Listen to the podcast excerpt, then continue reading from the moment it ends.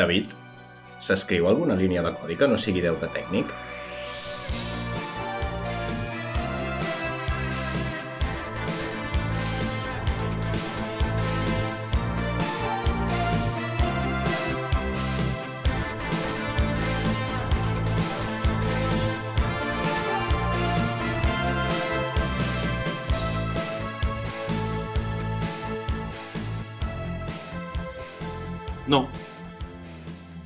Gràcies, David. Fins la setmana que ve.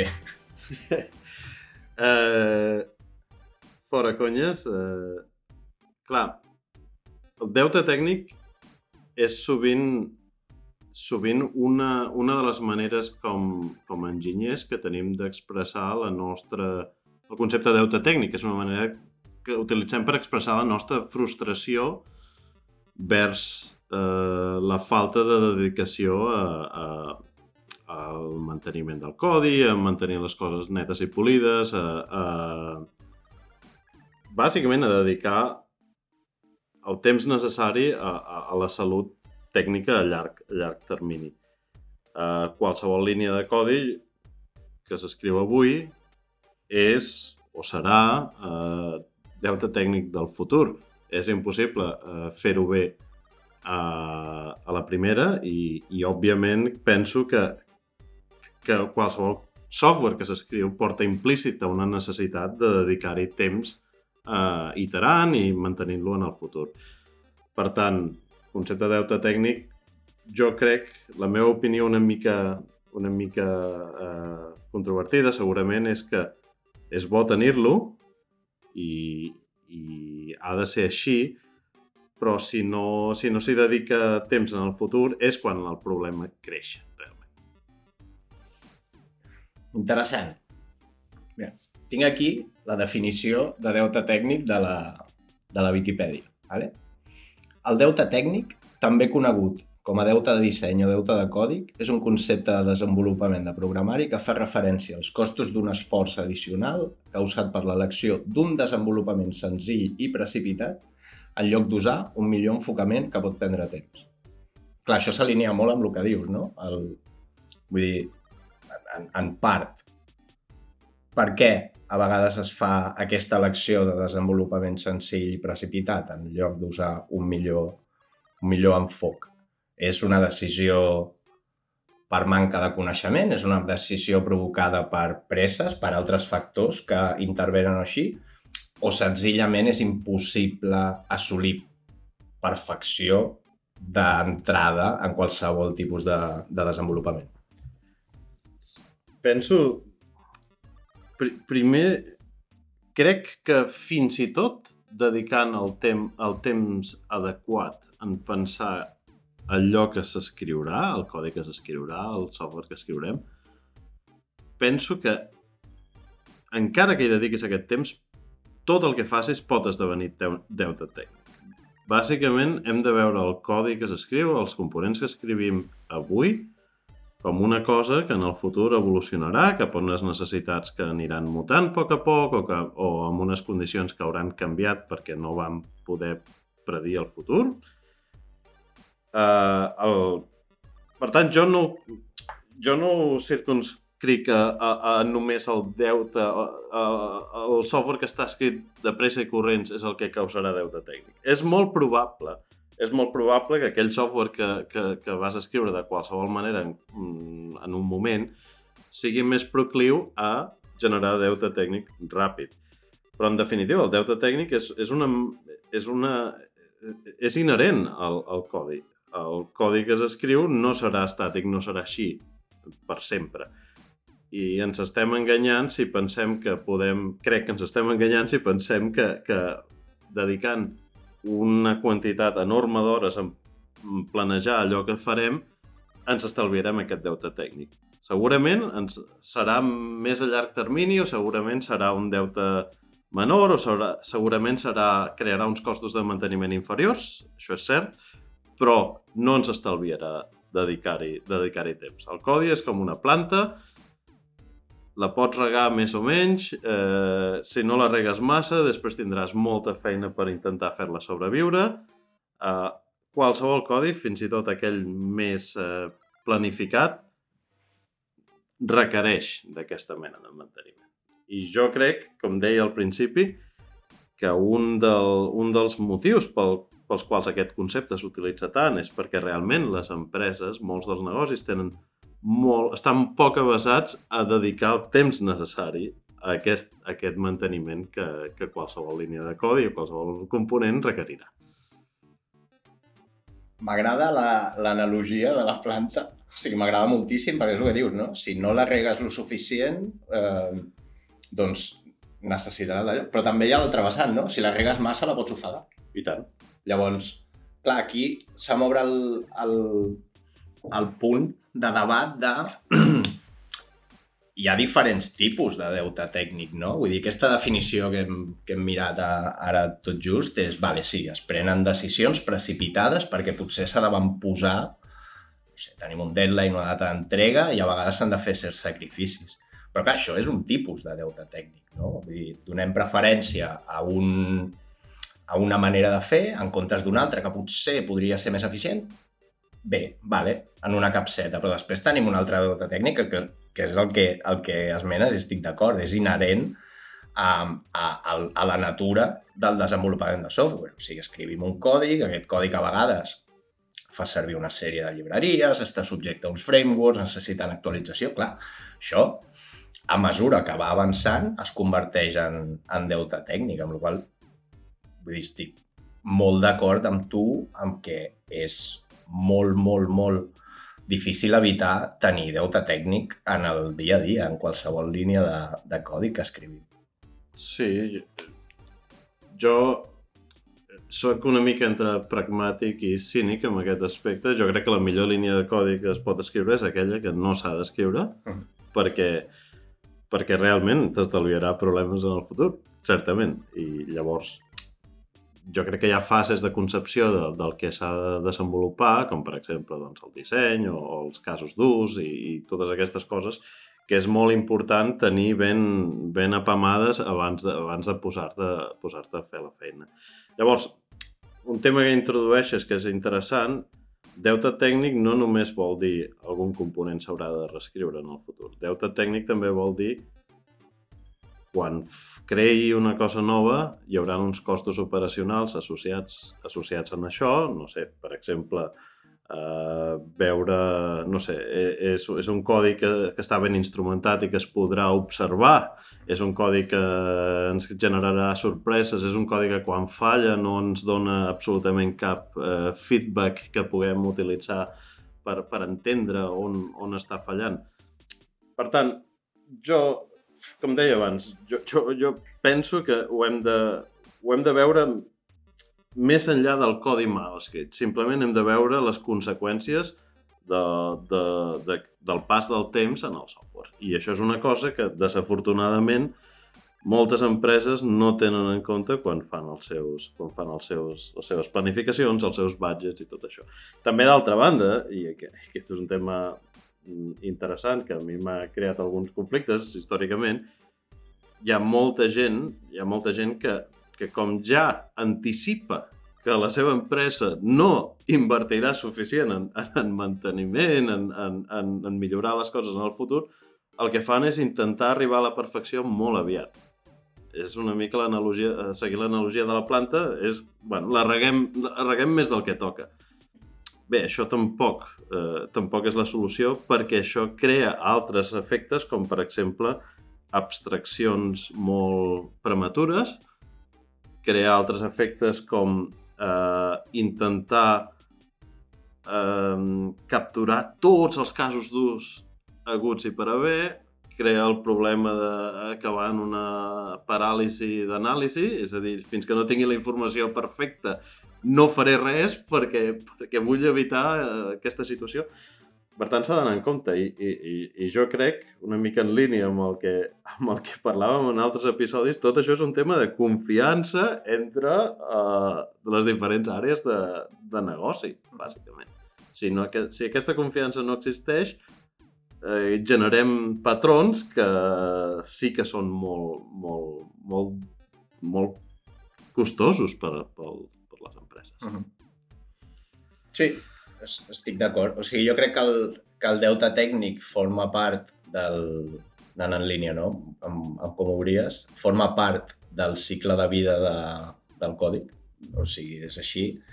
Um, normalment m'agrada fer-me la pregunta de per què estem escrivint aquest codi, quin és l'objectiu d'aquest codi, que, és això? Vull dir, el codi que escrivim és una eina, no? L'eina té un objectiu, és solucionar un problema, ja sigui entregar una funcionalitat, ja sigui millorar una part. Llavors, clar, a vegades mancances en aquests processos de pensament, no? quin és el problema que intentem solucionar, ho tenim clar, anem per aquest camí i quin serà el cost de potser sobredimensionar la, la enginyeria que, que apliquem, el, el, això, no? que generar aquestes abstraccions, anar amb unes arquitectures potser una mica massa complexes per un problema que potser no té un, un abast tan gran um, i a vegades això també té una mica a veure amb, amb el que parles tu, no? La comunicació, eh, tenir aquesta confiança entre equips de això, desenvolupament, de producte, intentar no acabar amb bases de codi que són pues, una acumulació de deadlines, vale? i això mm. t'acaba fent una maranya de, de, de codi que és immantenible, no? I immantenible doncs, normalment va molt lligat amb aquest deute, amb aquest deute tècnic. No? Aquest, potser sí que enllaça una mica més amb aquesta definició prèvia que havíem, que havíem vist. No sé, realment és un tema que crec que té molts, moltes vessants, molt, molts, molts, uh, molts enfocs i no sé, podríem escollir alguna en, en particular que puguem, no sé, jo tinc experiències en diferents en diferents empreses, en diferents llocs on, on hem treballat, en llocs on veus, ostres, arquitectures molt, molt clares, molt definides i tot i així, el deute tècnic el tens. Saps? Sí. I després llocs on has treballat, que has vist que pues, al llarg del temps doncs, aquests projectes han anat evolucionant d'una manera que, que bueno, manca de comunicació, molts equips treballant sobre la mateixa base de còdic, eh, a vegades manca de documentació, no? A vegades no saps per on tirar i et veus forçats a intentar tirar de manera una mica unilateral perquè estàs pressionat, d'altra banda, per poder entregar la teva funcionalitat. Això també és una mica símptoma d'aquestes mancances no? de comunicació, de, de, d'unió entre, entre diferents equips o equips de diferents natures, no? com són enginyeria, producte... Estic obrint massa melons, potser. Sí, de deixem que n'obri alguns més, fins i tot. Uh, eh, interess... un, un aspecte interessant és aquest fenomen eh, està ben entès, o els efectes causats per aquest fenomen estan ben entesos, eh, sobretot entre, entre enginyers que tenen força experiència i que s'han cremat bastantes vegades. Uh, gent amb experiència pot tendir a intentar crear una mica de burocràcia per evitar, per evitar aquestes situacions. No sé, burocràcia potser no és la paraula correcta, però una mica de procés, uh -huh. molt bé, no farem res que no compleixi aquestes coses. Això, com abans, si la comunicació no és bona, si el nivell de confiança no és bo, o sobretot, potser si no... Per una persona que acaba de començar una feina o que està tocant una base de codi per primera vegada, si s'ho troben, pot, pot fer bastanta por, pot ser, pot ser com una barrera bastant infranquejable. Llavors, parlant de solucions una mica a, aquesta problemàtica, dues coses que, que he vist que han funcionat força bé. La primera és, ha, estat crear, crear guies d'experimentació. Guies d'experimentació, perquè una de les, una de les principals eh, un dels principals arguments que et trobes en, en empreses que intenten tenir convencions fortes i arquitectures fortes i que són bastant estrictes en com s'escriu el codi és que hi ha molta gent que diu ostres, és que això vol dir que no puc innovar, perquè abans de poder fer eh, o poder provar aquesta idea que tinc al meu cap, he de complir totes aquestes coses. Necessito, jo què sé, escriure un servei que estigui, que tingui un uptime correcte, que degradi correctament quan alguna dependència no funciona, que quan caigui emeti els logs cada metre, coses, totes aquestes coses que realment són molt, molt boilerplate, són molt, són molt accessòries a la idea que tu vols provar. Tu realment només vols provar una hipòtesi ràpida. Uh -huh. Llavors, una cosa que va funcionar força bé en una de les meves empreses anteriors és, molt bé, teníem una guia d'experimentació que bàsicament deia que les coses, quan tenien l'etiqueta d'experiment, eh, eren això, eren un experiment que no podia causar cap dany a components existents, però on et podies saltar bastant totes les normes estrictes de com arquitecturar el, el, el, el teu codi i tot això.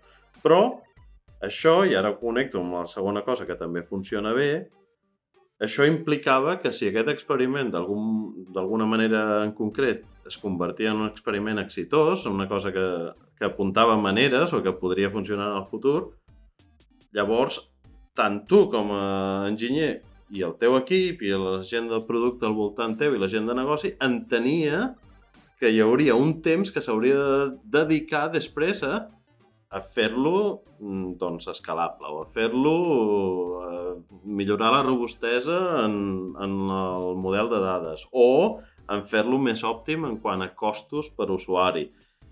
I això, i aquesta és la segona cosa que dic, s'ha de ser molt estricte amb el life cycle management del software. Uh -huh. És a dir, quan una cosa té l'etiqueta d'experiment, té l'etiqueta d'experiment. Quan una cosa ja és madura i és un s'ha convertit en un component molt central, llavors té unes garanties de temps en quant a eh, dedicació que hi has de posar perquè allò funcioni.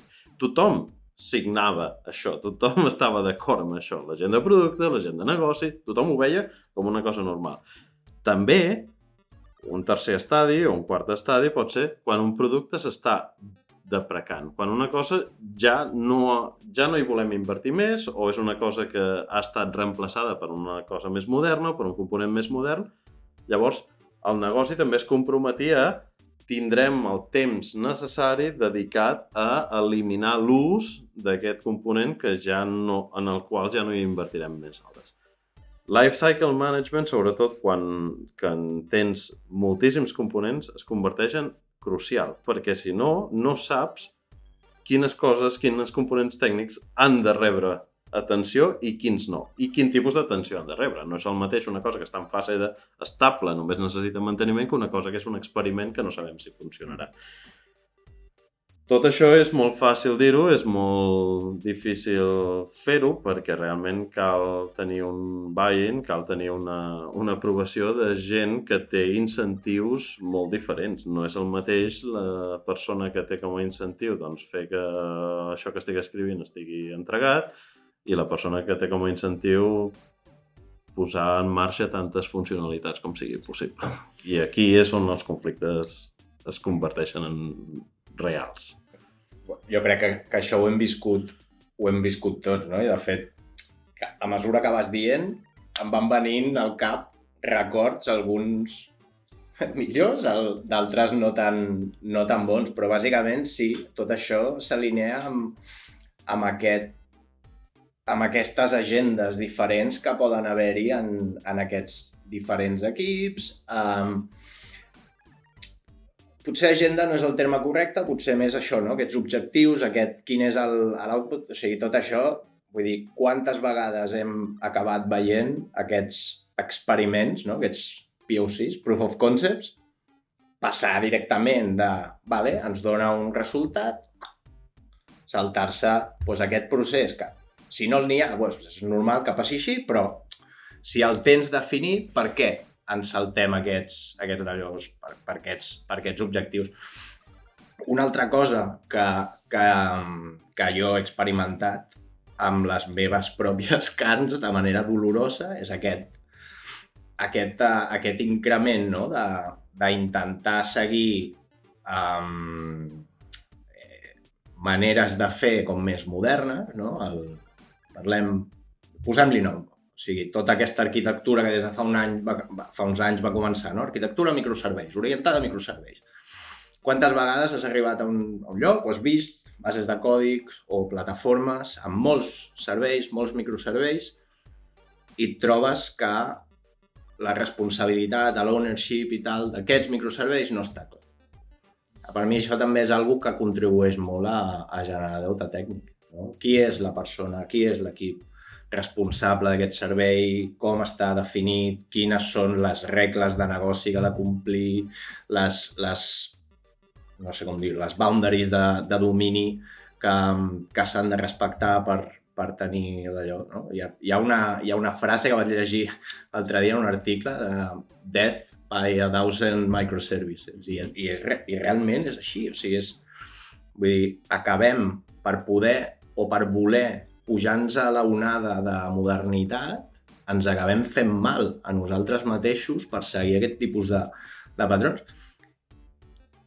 I a vegades som nosaltres mateixos no? els que contribuïm a, a incrementar aquest deute tècnic passant-nos una mica pel, pel forro, per parlar així una mica malament, amb tots aquells principis de disseny, tots aquests processos que en altres ocasions som nosaltres mateixos els que defensem.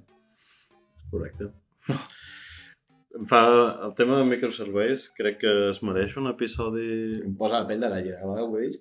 Sí, sí, es mere... Eh, crec que n'hem de parlar aviat d'aquest tema eh, perquè, perquè, perquè ho he viscut. Realment, eh, és un problema... Eh, tot, tot el tema de l'organització, del ownership del codi, tot això, el problema de les metadades d'organització és un problema que existeix a tot arreu. És un problema que tothom està tenint i molta gent no sap que l'està tenint, però el tindran i patiran molt uh, uh, uh, per culpa d'això. I, I té impli implicacions, ramificacions a tot arreu. Per exemple, quins, i, i, si tenim si treballes en una empresa on hi ha equips que es dediquen a fer més temes de plataforma o, tem, o, o, o, o components que, estaran que seran reutilitzats per, per molts equips. Si això no està clar, tens problemes entenent quines són les vies de suport internes, tens problemes entenent el, amb qui he de parlar per, per saber com funciona això, tens greus problemes de documentació i d'entendre de, com, com funciona tot aquest, tot aquest garbuix de, de, de, de l'ecosistema. I quan les empreses creixen, i sobretot quan les empreses envelleixen quan, quan, quan les coses ja tenen una història molt més llarga que l'average tenure dels empleats, sí. les coses, si no s'han aclarit a nivell de, de metadades d'organització, sempre, sempre, sempre vindran a, a, a, sí, sí. a, a mossegar-te. Sempre. Sí, sí, o sigui, el, el, el còdig o el, els... Parlem de còdig, el còdig és una cosa que té una duració normalment, o els serveis, els projectes, els, no, no sé com, com anomenar-ho, però té una duració molt més llarga que el que és la rotació de la gent que ho entén. I, i clar, això comporta que, el que dius, no? Aquest, aquesta responsabilitat, aquest, aquest qui és el responsable d'això. Jo m'he trobat en diverses ocasions amb ecosistemes en els quals doncs, s'han de actualitzar certes llibreries que estan fetes servir en, en, o, estan repartides en la, la, la manera com, su, com es fan servir en diferents projectes i s'assigna a una persona que no té veure amb cap d'aquests projectes per gestionar aquesta migració, aquesta actualització i tal. Molts en molt poques ocasions, per no dir en cap ocasió, això s'ha portat d'una manera en la qual tothom hagi dit vinga, tinc clar què haig de fer, què no haig de fer... Perquè és això, no? O sigui, un spreadsheet, pam, pam, pam, una sèrie de noms, gent que veu el seu nom allà, i associada a algú, i dius, d'on ha sortit aquesta informació? O sigui, on podem anar, on podem veure aquest catàleg de serveis, vale? hi ha eines molt bones per muntar aquest tipus de, de catàlegs de serveis amb persones de contacte i tal, però, però realment la informació que es mostra aquí, ja sigui un, ja sigui un spreadsheet o sigui una eina més, amb, més, amb més capacitat, ha de ser real, ha de ser mantinguda, ha de ser actualitzada, ha de ser realment i ha de reflexar la realitat. No, crec que no hi ha cap símptoma més flagrant de que organitzativament alguna no funciona quan la gent no sap si això ho haig de fer jo. I això després pot desembocar en coses que, que, que bueno, doncs en equips, en cultura d'equip de desenvolupament i tal, doncs acaben sent més greus, no? Aquest punt de, no, no, això no em toca a mi. Això no ho haig de fer jo. Vull dir, aquest, aqu aquestes proteccions, aquesta manera defensiva d'actuar a l'hora de anem ajudant-nos els uns als altres. Puc fer, tinc capacitat, doncs mira, encara que no d'allò, doncs ho prenc com una oportunitat. Bon ideal, eh? Vull dir, tots el, el, en, el, en el dia a dia tothom tenim les nostres pressions, tenim les nostres coses que entregar i evidentment acabem mirant una mica. Però no seria maco, no?, poder arribar a aquest punt de, bueno, tenim clares quines són les responsabilitats i si no estan clares, doncs uh, intentem seguir una mica aquest, aquest camí. Sí, és, sí estic d'acord amb això. Um, potser també un... un M'agradaria lligar una mica aquesta conversa amb la conversa que teníem quan parlàvem de, dels problemes del software a l'administració pública. Uh. La, la, la conversa... El, el deute tècnic, allò que parlàvem de la complexitat de les integracions, de, la, de, de com de difícil és arreglar aplicacions que venen amb una herència, jo crec que és un símptoma del mateix i, òbviament, la manera aquesta de treballar eh, orientada a projecte que té un inici i un final que, que es fa a l'administració pública no afavoreix el, el bon life cycle management que comentàvem, que comentàvem abans. Però jo crec que també hi ha un problema de desconeixement. Hi ha un problema de comunicació. Jo crec que nosaltres, com a enginyers, tenim un greu problema fent-li entendre o utilitzant arguments convincents, fent-li entendre a alguns executius o alguna gent que pren decisions què vol dir el codi. Vull dir, es poden buscar analogies com la de la planta, però aquesta no ressonarà molt. Per molta gent, el software és una cosa que, que es fa i s'escriu i, i, i ja està. I, I jo crec que qualsevol... No és, el software no és una màquina que quan s'espatlla li has de reemplaçar una part software és una cosa bastant més complicada, potser semblant més a un edifici o semblant a una infraestructura eh, de carreteres o de trens o, o el que sigui, que és una cosa que realment no, no, no comença i acaba quan, quan escrius la primera línia de codi i quan entregues aquest, aquest programari.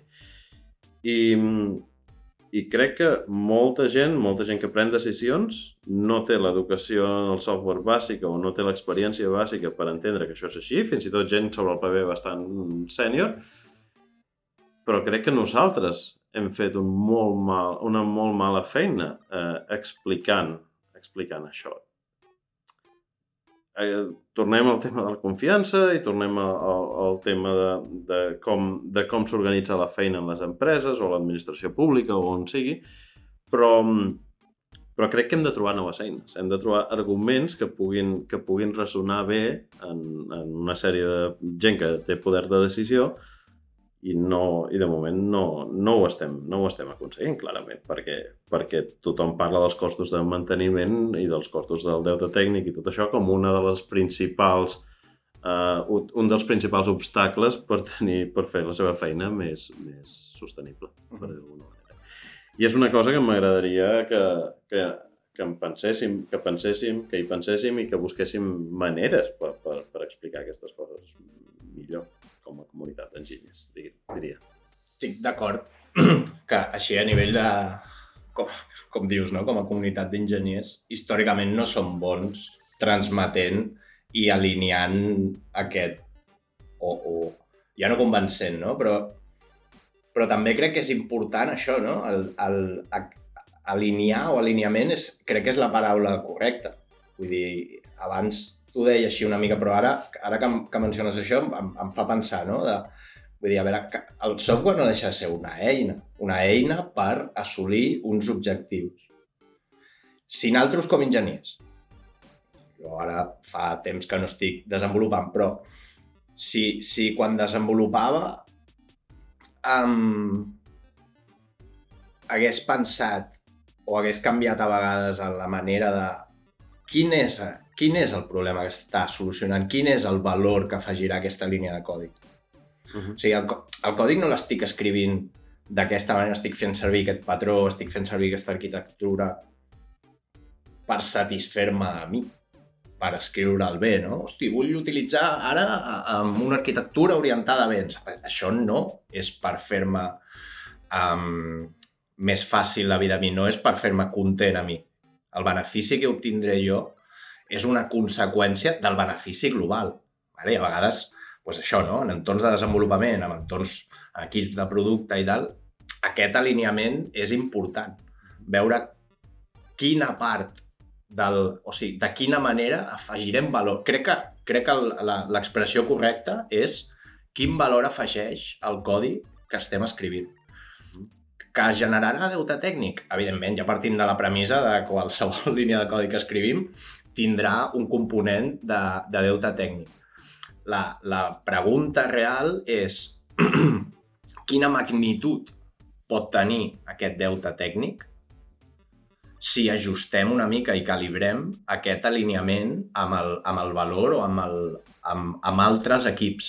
Mm -hmm. vale? Si aliniem aquestes, aquests, aquestes motivacions de cara a per què fem això, quina magnitud tindria aquest deute tècnic? I això és, és difícil perquè aquest alineament normalment va lligat a que parlem llenguatges diferents.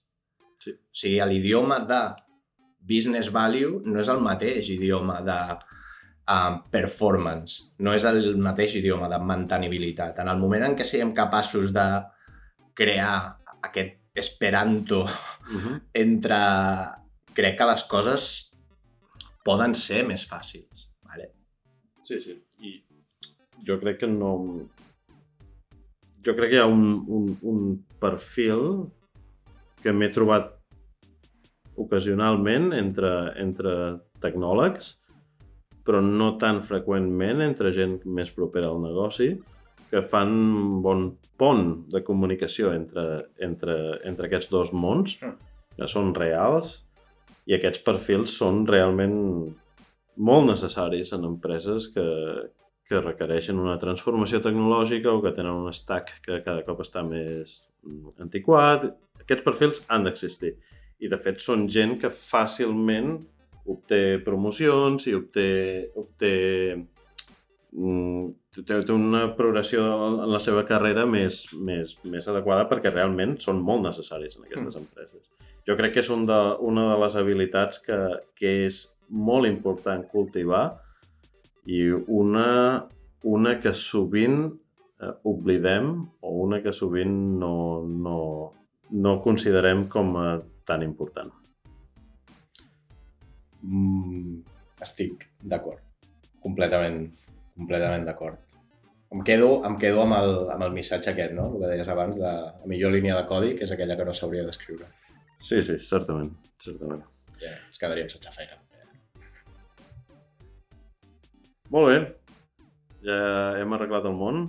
Més comunicació, més diàleg, empatia... I borrar codi.